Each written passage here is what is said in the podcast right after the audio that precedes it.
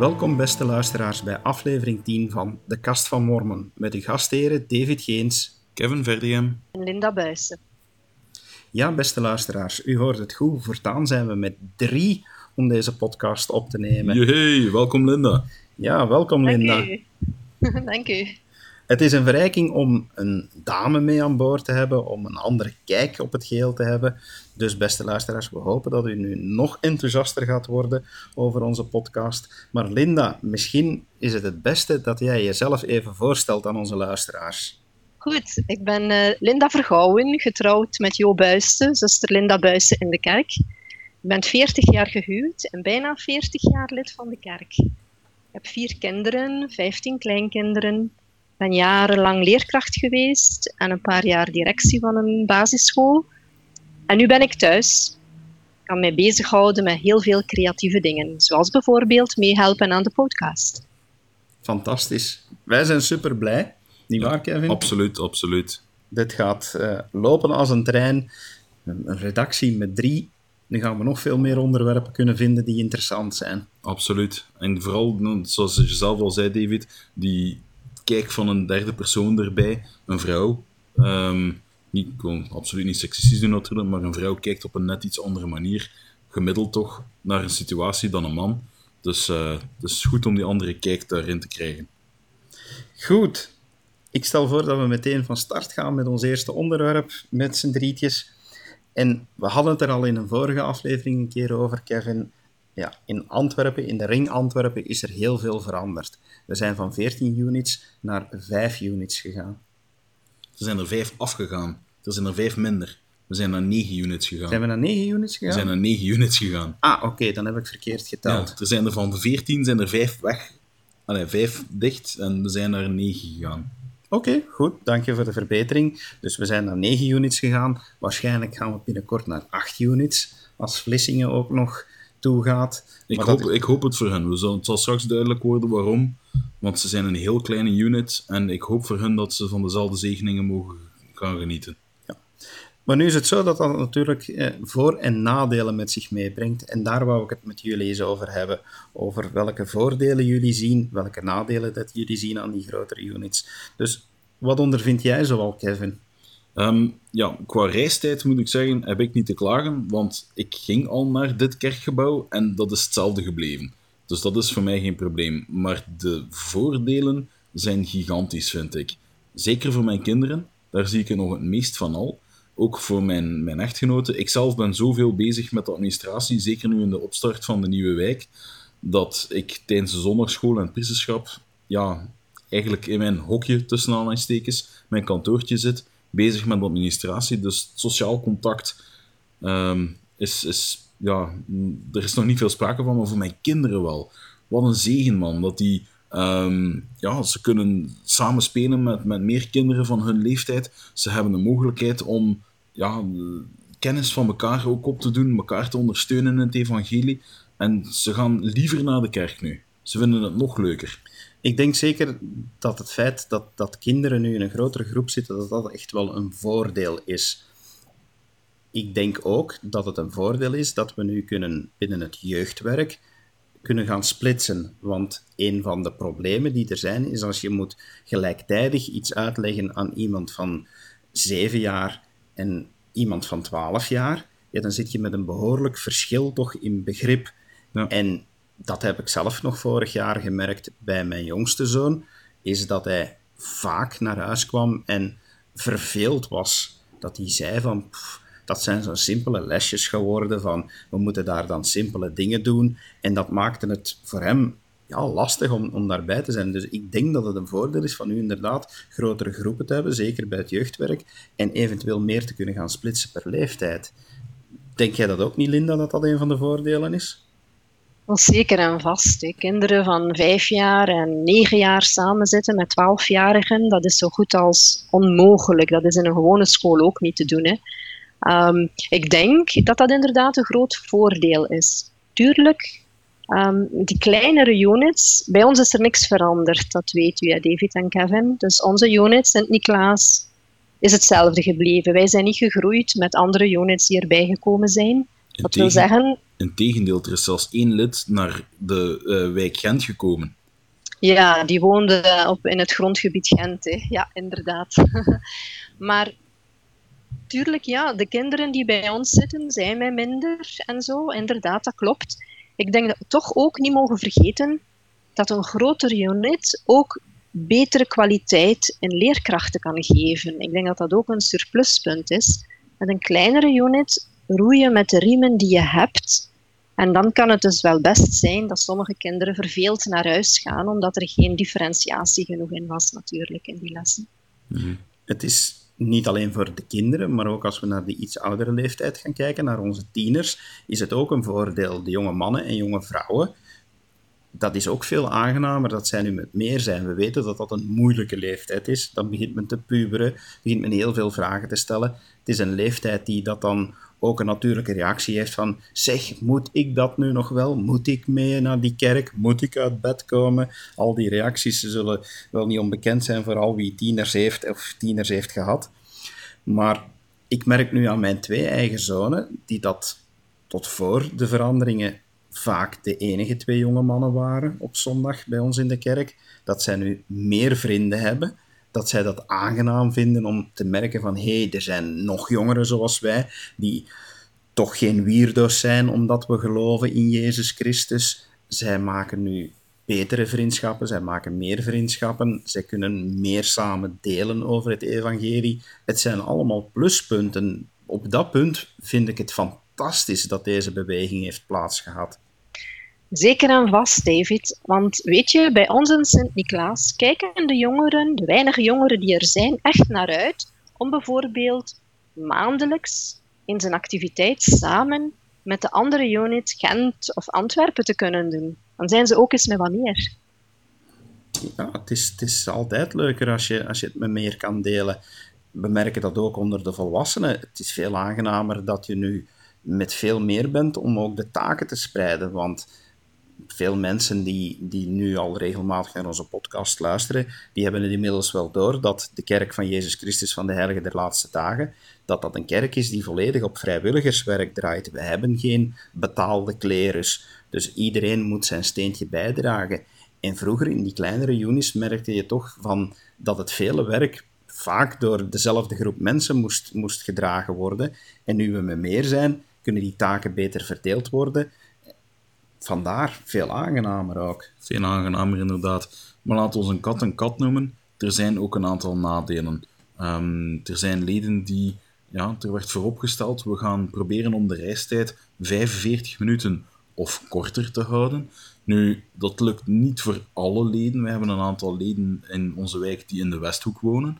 Dat is meer dan 45 minuten rijden zelfs al. Als je dan nog aangewezen bent op het openbaar vervoer, ja, dan kan het best zijn dat je soms één, zelfs twee uur onderweg bent om naar de kerk te komen. Ja, ik weet ook van de wijk bijvoorbeeld, hè, vroeger de, de vroegere gemeente Genk, die nu voor een stuk ook naar Heerlen moet gaan. Dat is een landsgrens over. Dat is in kilometers, is dat misschien niet zoveel verder voor sommigen. Maar voor mensen die van het openbaar vervoer afhankelijk zijn, is dat een gigantisch probleem. Want op zondagmorgen, dan heb je bijna geen grensoverschrijdend openbaar vervoer. Ik weet bijvoorbeeld dat de zendelingen die nu nog in Genk zitten, dat die een gigantisch probleem hebben. Die vinden gewoonweg geen vervoer van Genk naar Heerlen. Dat is dus een praktisch probleem ja, waar we ook met inzet van ons allemaal moeten een oplossing voor vinden. Maar daar, daar zeg je iets heel mooi, David. Het is met de inzet van iedereen.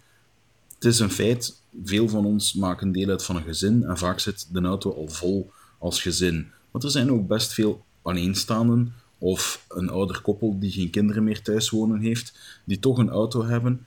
Ik, ben, ik heb het voorrecht gehad om in de gemeente Brugge te kunnen aanwezig zijn voor ongeveer een maand, terwijl dat de werken, eh, de, de restauratiewerken in het kerkgebouw van Gent aan de gang waren. En ik moet zeggen, daar zag je toen al mensen die moeite deden om elkaar mee te brengen naar de kerk. Dat zie je nu nog altijd. En dat is wel heel mooi om te zien. Ik denk dat dat inderdaad een heel mooi aspect is van ons kerkleven, Kevin. Dat de mensen, de leden, voor elkaar willen zorgen. Natuurlijk Als dat over heel veel kilometers gaat en inderdaad te veel mensen die geen auto zullen hebben, zal dat wel eens problemen kunnen leveren. Maar voorlopig denk ik dat er voor iedereen wel goed gezorgd wordt. Ik heb een paar mensen uit Brugge ontmoet onlangs. Die waren super enthousiast om naar een grotere unit te kunnen gaan. Omdat inderdaad, zoals David al zei, het werk rustte wel meestal op een paar schouders. En voor die mensen werd dat wel heel veel. Niettemin mag ik toch zeggen dat er heel veel leden ook gegroeid zijn door al die taken die ze ooit hebben uitgevoerd.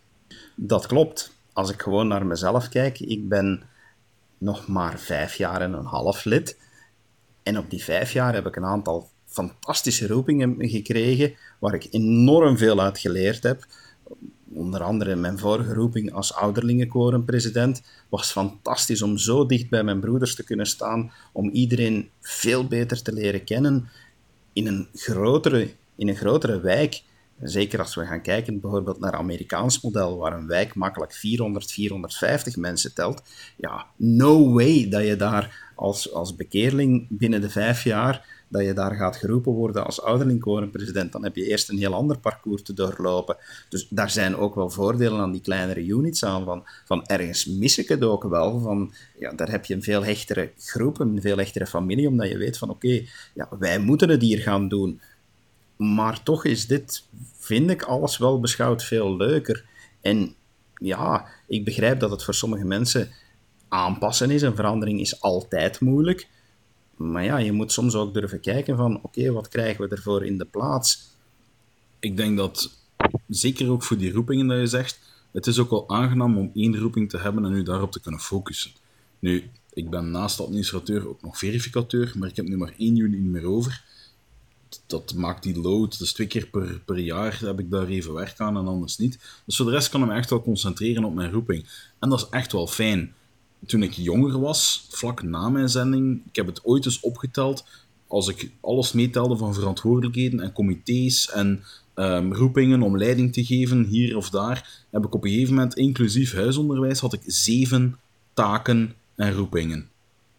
Dat is te veel gewoon. Dat is gewoon te veel. Dat kan je niet verwachten om dat uh, correct te doen. Dat is waar, Kevin. Gelukkig viel dat maar zelden voor mensen met zoveel roepingen, denk ik. Ik denk dat er gemiddeld maar twee of drie roepingen aan mensen gegeven werd. En dan nog te zien natuurlijk hoeveel lasten ze kunnen dragen. Dus blijkbaar heb je heel sterke schouders, Kevin, wat veel op kon geplaatst worden. Ja, maar nu moet ik naar de, kinesist, nu moet ik naar de kinesist gaan en zo. Ah, voilà. Ik wil, ik wil er toch graag nog een mooie bedenking aan toevoegen, dat het fantastisch is dat we een levende kerk hebben.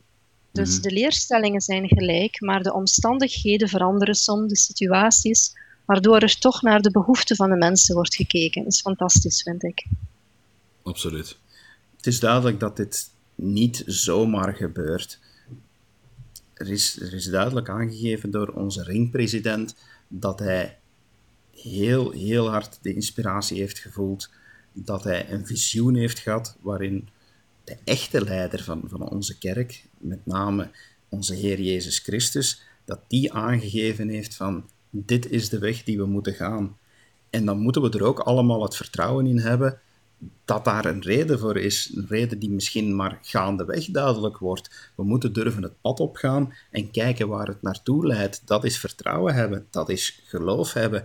En dat er problemen zijn, dat gaat niemand ontkennen, want als we terugkijken naar het jeugdwerk, zoals ik zei, het is nu een voordeel dat we misschien meer per leeftijd kunnen opsplitsen, maar langs de andere kant, we hebben een gebrek aan lokalen nog momenteel, dus dat lukt ook weer niet zoals het moet.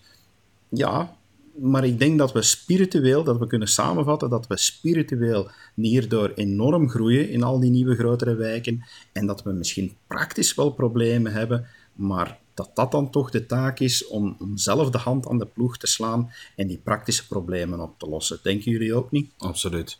Dat zal zeker zo gebeuren, denk ik. Ja.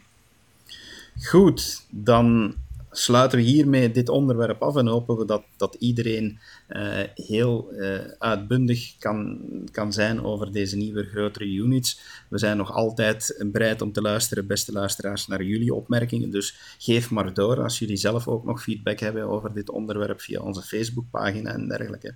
Maar ja, um, we willen nu ook eens blijven stilstaan bij een ander feit dat momenteel uh, bezig is uh, mm. in deze hitte, want het is echt wel heel warm terwijl dat we dit opnemen in deze dagen. Maar dan gaan mijn gedachten uit naar onze moslimvrienden die nu de Ramadan vieren. Absoluut. Dat moet pas waar zijn in deze voor, hitte. Voor onze moslimvrienden, Mubarak Ramadan. Of Ramadan Mubarak. Ramadan Mubarak. Ramadan Mubarak.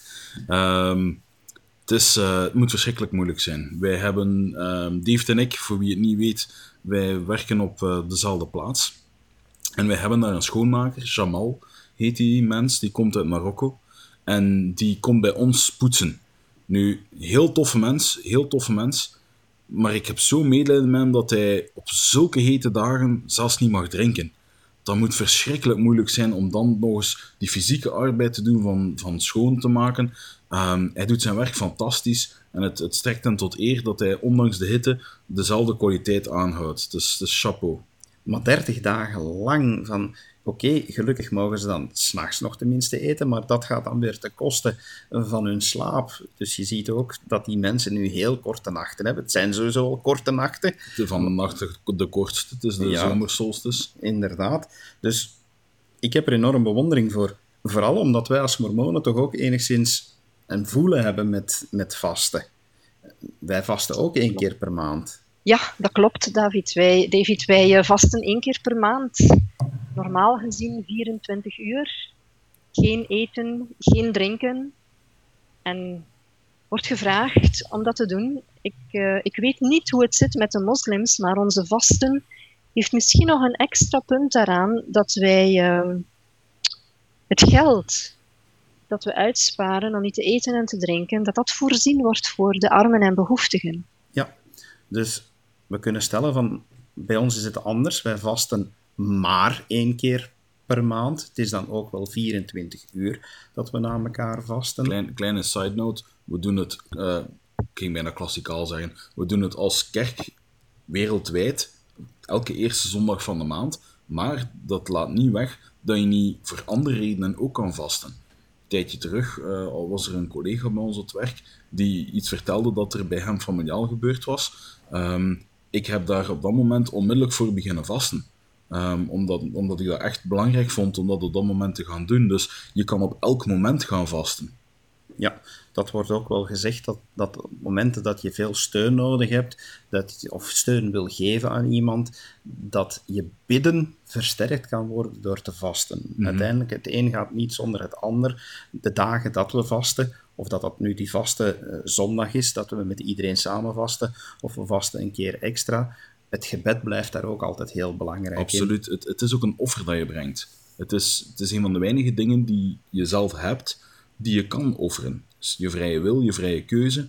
Ehm, niet eten, niet drinken. Nu, jammer genoeg is het voor sommige mensen in de wereld, hebben ze die keuze niet. Uh, zitten ze soms zonder eten of drinken. Maar wij in de westerse wereld hebben het geluk om ja, zeker drie keer per dag te kunnen eten om dat te offeren, is echt onze vrije keuze gebruiken om te zeggen van kijk, ik ga mijzelf nu iets ontzeggen. Um, en dat offer, dat vind ik, legt precies iets meer gewicht in de schaal um, in een gebed naar onze hemelse vader. Het toont hem dat het ons menens is. Inderdaad. Nu, ik sprak onlangs ook met, uh, met een goede vriend die uh, moslim is en ik, ik, stelde hem een aantal vragen, want het interesseerde me echt wel van, oké, okay, nu we onze godsdiensten een beetje vergelijken, niet om te zeggen van, ik heb de betere godsdienst dan de jouwe, want zulke discussies, daar moet je niet aan beginnen. Het feit dat iemand gelooft is op zich fantastisch, punt uit. Dat vergt geen verdere discussie. Maar ik was echt oprecht nieuwsgierig naar, naar de Ramadan. En wat aan mij opviel, is dat er toch ook zoveel overeenkomsten zijn tussen de redenen waarom zij vasten, net zoals jij beschreef, Kevin, om dichter bij God te staan, om een gebed meer kracht bij te zetten. Maar ook bijvoorbeeld overeenkomsten naar, ik vroeg hem dan onmiddellijk van, oké, dat is toch wel heel zwaar, zo'n hele dag niet eten of drinken en moeten wachten tot de zon ondergaat. Hoe zit dat dan bijvoorbeeld met zwangere vrouwen of mensen die ziek zijn? En onmiddellijk kwam daar het antwoord op van, oh nee, van die mensen wordt totaal niet verwacht dat zij vasten. En dat is wat wij ook zeggen. Aha, maar daar wist onze, onze Jamal, wist mij daar iets op te vertellen dat ik nog niet eerder wist. Zij moeten dat bij de volgende vasten inhalen. Dus als iemand ziek is, ja, ja dus, dus, dus dat wist, wist mij dat te zeggen, dat als je ziek bent, dat je dan twee dagen wel eet, maar dat je dat dan ja, nog inhaalt. Dus dat je die periode wel degelijk gevast hebt. Ja, we kunnen daar respect voor hebben natuurlijk. Ik vind het wel fijn dat dat bij ons geen regel is. Ik stel mij voor als je zwanger bent, negen maanden, en dan kan je waarschijnlijk, uh, moet je heel wat dagen inhalen als je niet gevast hebt, Kevin. Maar enfin, veel respect voor de dan, voor mensen die het zo lang volhouden. Heel veel respect voor alle geloven die eigenlijk vasten uh, als een deel zien van hun, uh, hoe zou je dat zeggen, loyaliteit naar de Here toe. Want ik denk, waarom vasten wij? Vasten wordt in onze maatschappij ook wel eens gebruikt om af te slanken, om te vermageren. Dat is zeker niet het doel van het vasten dat we in onze godsdienst vinden. Ik denk dat wij um, vasten om, zoals Kevin al zei, dichter tot de Heer te kunnen komen. Wij geloven trouwens dat ons lichaam het voertuig van onze geest is.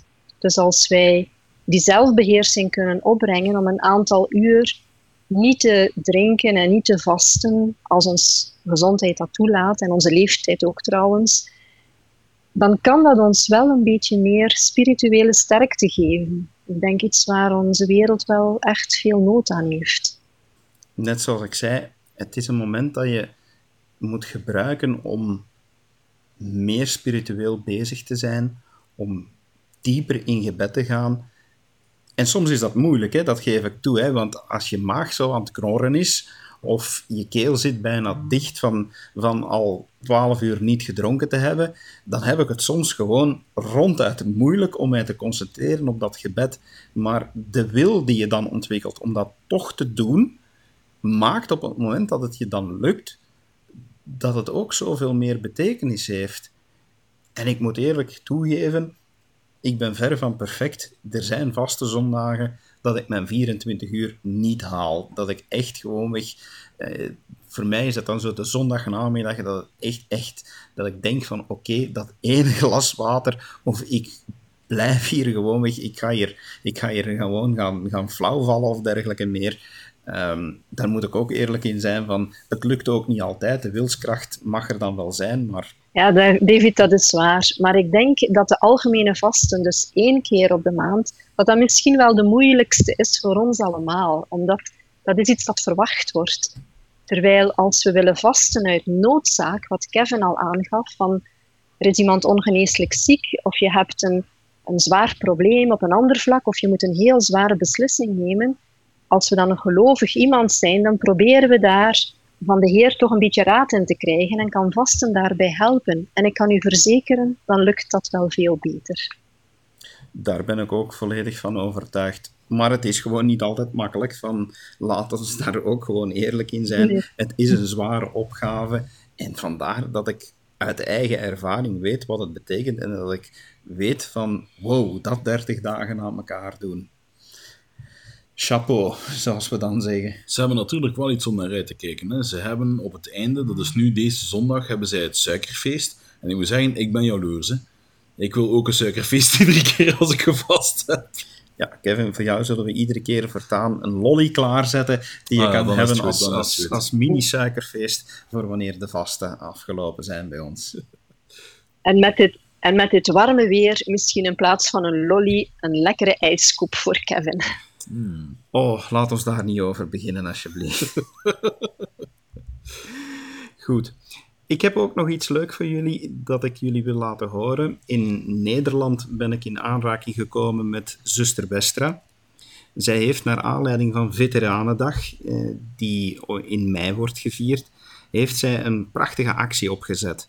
Zij heeft samen met de zusters in haar wijk heeft zij een ZAV-activiteit, dus een activiteit van de zusterhulpvereniging, waar alle zusters toe behoren, heeft zij een briefschrijfactie opgezet. Zij heeft zelf namelijk een broer die veteraan is, die gevochten heeft voor onze vrijheid. En zij vond het belangrijk om die mensen eens te bedanken. En ik heb de gelegenheid gehad om haar te interviewen. En ik ga haar zelf dan ook laten vertellen hoe de actie tot stand is gekomen en wat de resultaten daarvan zijn. Hallo luisteraars, we hebben hier bij ons te gast Kimberly Westra. Zij heeft een fantastisch initiatief opgestart waarover we graag even met haar willen praten. Hallo Kimberly, welkom bij ons in de podcast. Hallo, superleuk dat ik er uh, even mag zijn. Ja, we zijn heel blij dat je er kan bij zijn. Nu Kimberly, jij hebt iets fantastisch opgestart vanuit de ZAV. Zou je even kunnen vertellen wat dat, dat juist is? Ja, um, ik, ben, uh, ik organiseer activiteiten voor onze zusterhulpvereniging um, in Alkmaar. En um, ik wilde daardoor heel graag een bijzondere activiteit doen in de maand mei. Aangezien ik dan toch altijd wel stilsta bij mijn vrijheid. En ja, de, de mensen die voor ons uh, gevochten hebben door de jaren heen. en daardoor ben ik gaan zoeken naar leuke activiteiten. Um, en toen ben ik via mijn broer, die veteraan is, ben ik uh, op het Veteraneninstituut terechtgekomen. Dat is een Nederlandse website en organisatie die zich inzet voor de Nederlandse veteranen. En ik heb hem gevraagd of hij wat brieven mocht schrijven. En dat zij die dan naar uh, veteranen konden doorsturen. En uh, nou, dat is eigenlijk uitgelopen tot een hele grote actie. En dat we nu hopen zoveel mogelijk mensen te werven die ook willen schrijven. Zodat we voor Veteranendag um, ja, gewoon heel veel veteranen bereikt hebben en hen hebben kunnen bedanken. Oh, dat, ja, dat is in een nutshell. dus, dus jouw broer is, is veteraan, die heeft, uh, die heeft voor ons gaan, onze vrijheid gaan verdedigen in het buitenland. Ja, klopt. klopt. Hij is een aantal jaar in het leger geweest en hij is ook een aantal keer weg geweest. En uh, ja, daar ben ik echt super trots op. Echt, uh, dat is een heel groot voorbeeld voor mij, zeker dat is fantastisch dat je trots bent op je broer. Van. En eh, een heel mooie aanleiding om eigenlijk om, om hem te eren, maar ook alle uh, jongens en meisjes die inderdaad voor onze vrijheid vechten in het buitenland en die teruggekeerd zijn. Want je praat over veteranen, dus voor alle duidelijkheid, het zijn, het zijn onze soldaten die in het buitenland reeds geweest zijn en nu teruggekeerd zijn waar deze actie voor geldt. Ja, dat klopt. Uh, heel veel mensen hebben bij veteranen het idee dat dat die hele oude meneertjes zijn die je op 4, 5 mei een keer voorbij ziet komen op tv. Maar we hebben heel veel veteranen in Nederland, omdat er gewoon continu missies in het buitenland zijn, waarbij zij zich nog steeds uh, inzetten en opofferingen geven om anderen ook vrij te houden. Ja, of vrij te maken. Hè? Ja, uh, nu, hoe gaat het dan concreet in zijn werk? Want ja, stel nu, ik wil zo'n brief schrijven, maar ik ken geen veteraan. Aan wie richt ik mijn brief nu eigenlijk? Ja, het, is, uh, het proces is eigenlijk heel simpel. Um, we, wat je kan doen is uh, een brief schrijven um, naar een veteraan van een specifieke missie, als je daar bijvoorbeeld iets mee hebt. Het kan zijn dat je bijvoorbeeld iets hebt met uh, de situatie die in, in Irak speelt. en dan kan je je brief richten aan de beste Irak-veteraan. Um, en in jouw brief kan je vertellen over jezelf. Um, en bijvoorbeeld vertellen wat het zo bijzonder is voor je, hoe bijzonder het voor je is om vrij te mogen zijn. Uh, hoe bijzonder het voor je is om te realiseren dat je mag geloven. Um, dat je als vrouw over straat kan. En vooral waar die brief echt om gaat, is hun bedanken voor hun inzet. En dat zij zich hebben ja, ingezet voor mensen hun vrijheid. Um, nou kan ik me zeker voorstellen dat het best lastig is voor mensen om een wildvreemde brief te schrijven. Um, dus ik heb een, een Facebookpagina aangemaakt, dat heet de Vrijheidsschrijvers. En daar heb ik ook een voorbeeld staan en allemaal tips staan um, die je kunnen helpen met een brief schrijven. Stel, een brief is nog steeds wel heel ingewikkeld, dan kan je natuurlijk ook altijd een kaartje doen. Want beter iets op de post dan dat die mensen gewoon niks krijgen. Ja, ja. Nu, we zullen zeker die, die link naar, naar jouw Facebookpagina zullen we ook op onze Facebookpagina vermelden, zodat onze luisteraars dat heel makkelijk kunnen terugvinden. Um, ja. Maar dus die brief, ja, die, naar wie sturen we die dan? Moeten we die naar een, een veteraan sturen? Krijgen we ergens een adres? Of uh, hoe werkt dat dan?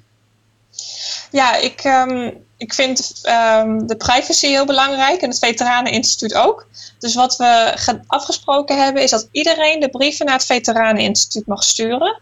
En zij zullen deze in nieuwe enveloppen naar veteranen thuis sturen. Uh, dat heeft meerdere redenen. Ook voor de veteranen is het fijn om te weten dat hun gegevens niet zomaar uitgedeeld zijn. Um, dus het Veteraneninstituut zal het in een specifieke envelop versturen. Zodat voor iedereen duidelijk is dat het gewoon uh, ja, privé blijft. Ehm, en zij verzorgen het verder. Dus stel je schrijft meer brieven, alles gewoon in één envelop doen. En zij zullen ervoor zorgen dat het bij verschillende veteranen terechtkomt. Ja. Ja, dus je moet eigenlijk niet, uh, niet zelf wakker liggen van ik schrijf naar die veteraan of die veteraan of dergelijke. Van het Veteraneninstituut, die speelt daar een beetje verdeler in. Die kijkt naar, naar wie jouw brief min of meer gericht is en zegt dan van oké, die bezorgen we aan die persoon, die gaan we aan die persoon bezorgen. En uh, dan, dan moet je daar zelf eigenlijk over die praktische details niet meer verder wakker liggen, als ik het goed begrijp.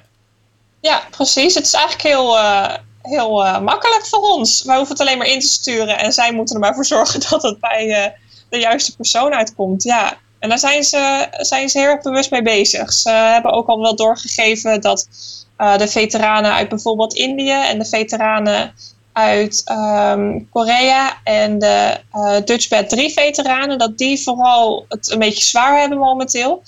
En dat ja, het heel mooi zou zijn als zij onder andere een uh, hele fijne bedankbrief zullen krijgen. Ja. Heb je, heb je er al zicht op hoe veteranen hier zelf op reageren? Hoe fijn dat zij dit vinden? Nou ja, ik heb natuurlijk sowieso contact met mijn broer en uh, zijn, zijn netwerk, zeg maar. Um, en zij vinden het initiatief heel, heel leuk en um, vooral heel fijn dat er wat meer aandacht is voor de veteranen, omdat het dus, zoals ik zei, vaak een beetje verkeerd uh, in licht uh, gebracht wordt. Um, maar ik denk dat het vooral de doelgroep is uh, die het zwaar heeft, de veteranen die ja, stilletjes aan het lijden zijn, eventueel. Dat dat juist de doelgroep is die het, het enorm gaat appreciëren. Want dat is precies de groep die dat bedankje net even harder nodig heeft, zeg maar. Ja, dat begrijp ik. Denk je dan dat het ook kan zijn dat sommige veteranen zelf in de pen kruipen en je een antwoord sturen, zodat er ook verdere cor correspondentie ontstaat?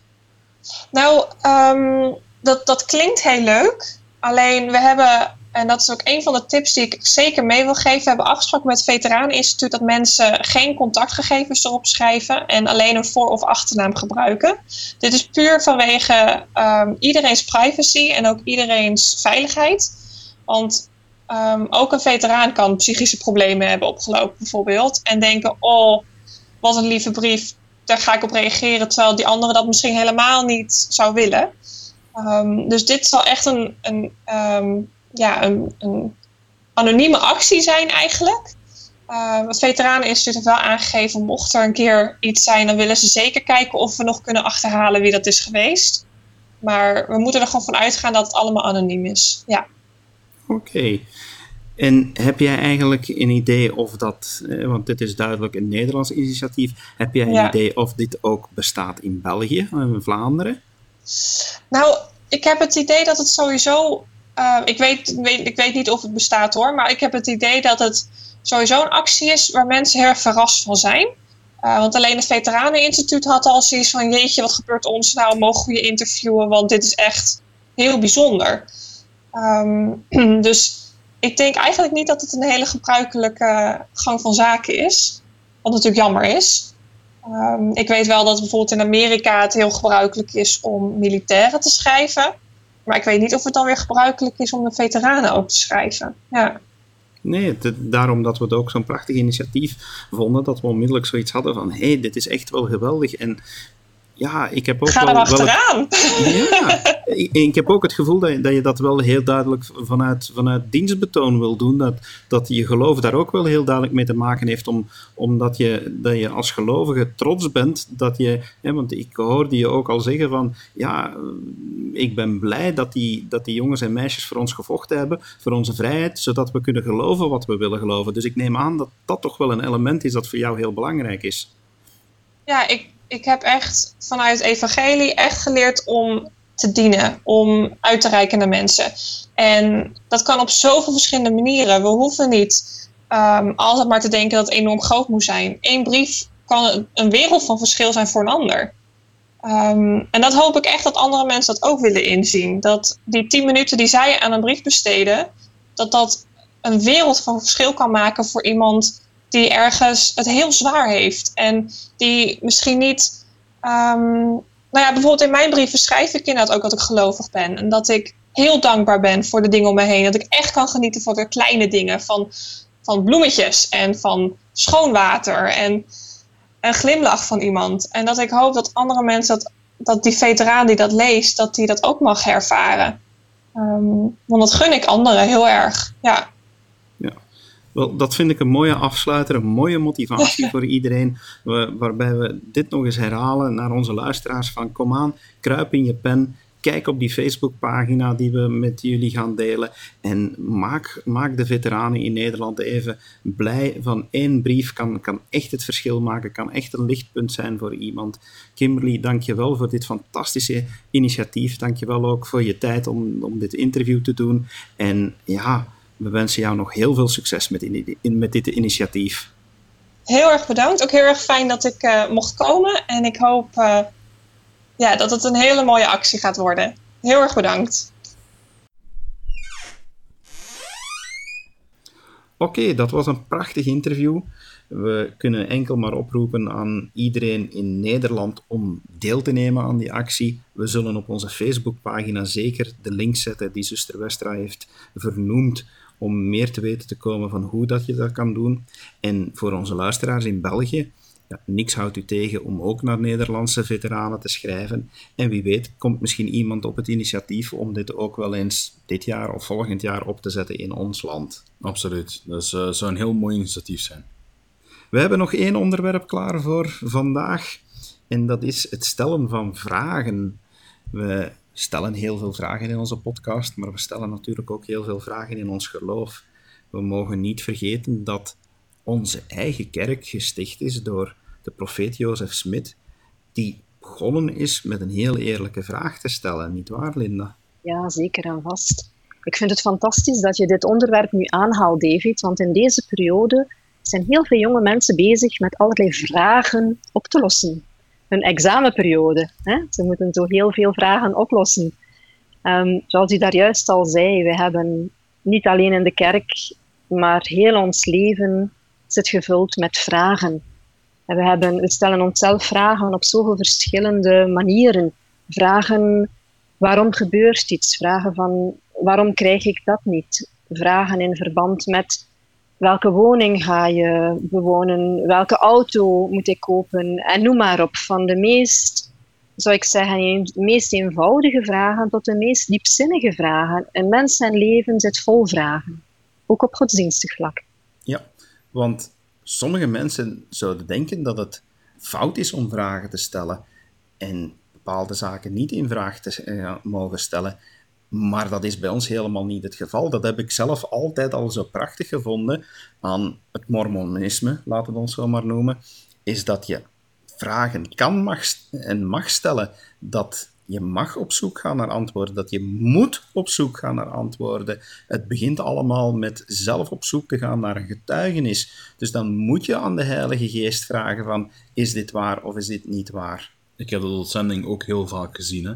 Ehm, je hebt soms collega's die op zending komen, waarvan je merkt van, ze zijn zelf ook nog een beetje zoekende. Ze, hebben, ze, ze, ze teren nog op de getuigenis van hun ouders. En die zoeken dan zelf een getuigenis. Het fantastische daaraan is, is op het moment dat je de getuigenis die je hebt, hoe klein ze ook mag zijn, deelt, dat je die meteen ook versterkt. En dat je die bevestiging van de Heilige Geest kan ontvangen. En die belofte die in Moroni staat, ehm, waarin dat staat van, kijk, als je aan kennis ontbreekt, vraag dan aan God, die aan iedereen geeft, ehm, Nee, sorry, ik ben, dat, is, dat is Jacob. dat, is Jacobus, dat is Jacobus die ik aan het quoten ben. Ehm, maar de belofte, ze, ze, gaan hand in hand. Die staat in Moroni hoofdstuk 10, uh, eh, vers 3 tot en met 5, zegt ook dat door de, de, de, kracht van de Heilige Geest kan je de waarheid van alle dingen te weten komen. En daar heb ik zelf ook een heel sterke getuigenis van. Ik, zo ben ik te weten gekomen dat het evangelie waar is, omdat ik zelf ook gebeden heb en die bevestiging van de Geest heb mogen ontvangen. Maar het is, het is niet alleen op dat moment dat je vragen kan stellen, natuurlijk. vragen kan, kan op eender welk moment. Um, denk je ook niet, Linda, dat, dat, dat het normaal is dat we, dat we zulke vragen hebben? Of, of, of zie jij dat anders, of wil jij daar iets anders op toevoegen? Um, ik wil eventjes eraan toevoegen wat Kevin zei. Inderdaad, lid worden van de kerk van Jezus Christus, van de heiligen der laatste dagen, begint allemaal met een vraag natuurlijk. Een vraag is God, bestaat hij echt? En is de kerk hersteld door Jozef Smit? Is het boek van Mormon schriftuur? zijn allemaal vragen die je in de begintijd van je onderzoekersperiode in de kerk en van je lidmaatschap in de kerk, die je zelf gaat ontdekken, waar je zelf een antwoord op gaat krijgen, maar wat niet wegneemt, ik ben nu ongeveer 40 jaar lid van de kerk, dat er tijdens die periode nog heel wat vragen op je pad komen. Ook heel wat vragen die niet opgelost worden, omdat er toevallig, omdat er misschien nog te weinig kennis is, of te weinig inzicht, of, of wat dan ook. Ik stel mijzelf dan voor, zo van, ik weet nog hoe fantastisch het was als, als kind om te kunnen lezen, leren lezen en rekenen. Maar het is niet omdat je in het eerste leerjaar kan lezen en rekenen, dat je de relativiteitstheorie van Einstein al kan begrijpen. En ik denk dat dat zo ook is met onze godsdienstige weg. Um, we zitten misschien nog op de fase van 1 plus 1 is 2. Inderdaad. Plus, als we er ook heel logisch over nadenken. En veel mensen zeggen van, ja, logica hoort bij wetenschap en niet bij religie, maar daar ben ik het totaal niet mee eens. Als je er gewoon heel logisch gaat over nadenken en je gaat eens zeggen van, wat als er een God bestaat? Als je, als je even van, van die veronderstelling uitgaat en die God is zo almachtig en alwetend, ja, dan is die zo bekend met, met heel veel dingen die wij niet kennen, met zoveel meer dimensies die wij niet kennen, niet kunnen kennen, dat als je daarin gelooft, dan moet je ook aanvaarden dat je niet alles kan weten wat God weet. Want Hij kan het onmogelijk aan ons uitleggen, omdat wij nu eenmaal in een beperkte wereld zitten, terwijl Hij daarboven staat. Dus mensen die, die op dit moment het moeilijk hebben met het feit van, hè, die dan zeggen van, ja, maar ja, zo is het makkelijk als je antwoordt van, ja, daar hebben we nu nog geen antwoord op. Sorry, ook wetenschap is in mijn ogen, begint met vast te stellen wat je weet en wat je niet weet. Er is niets fout, nog in wetenschap, nog in geloof, om op zoek te gaan naar wat je niet weet, maar dan moet je het geduld en de aanvaarding hebben dat de antwoorden niet altijd zomaar op een schaaltje komen. Nee, absoluut. Ehm, die honger naar kennis kan voor sommige mensen heel sterk zijn. Ehm, en terecht, natuurlijk. Het staat ook letterlijk in de schriften dat we moeten aanvaarden dat God krachtiger is dan ons, dat hij ook meer weet dan ons. En we ook moeten aanvaarden dat wij niet alles kunnen begrijpen wat de Heer begrijpt. Maar die drang naar, naar kennis, zoals je zegt, is voor mij net het zoveelste bewijs dat wij echt wel kinderen zijn van God.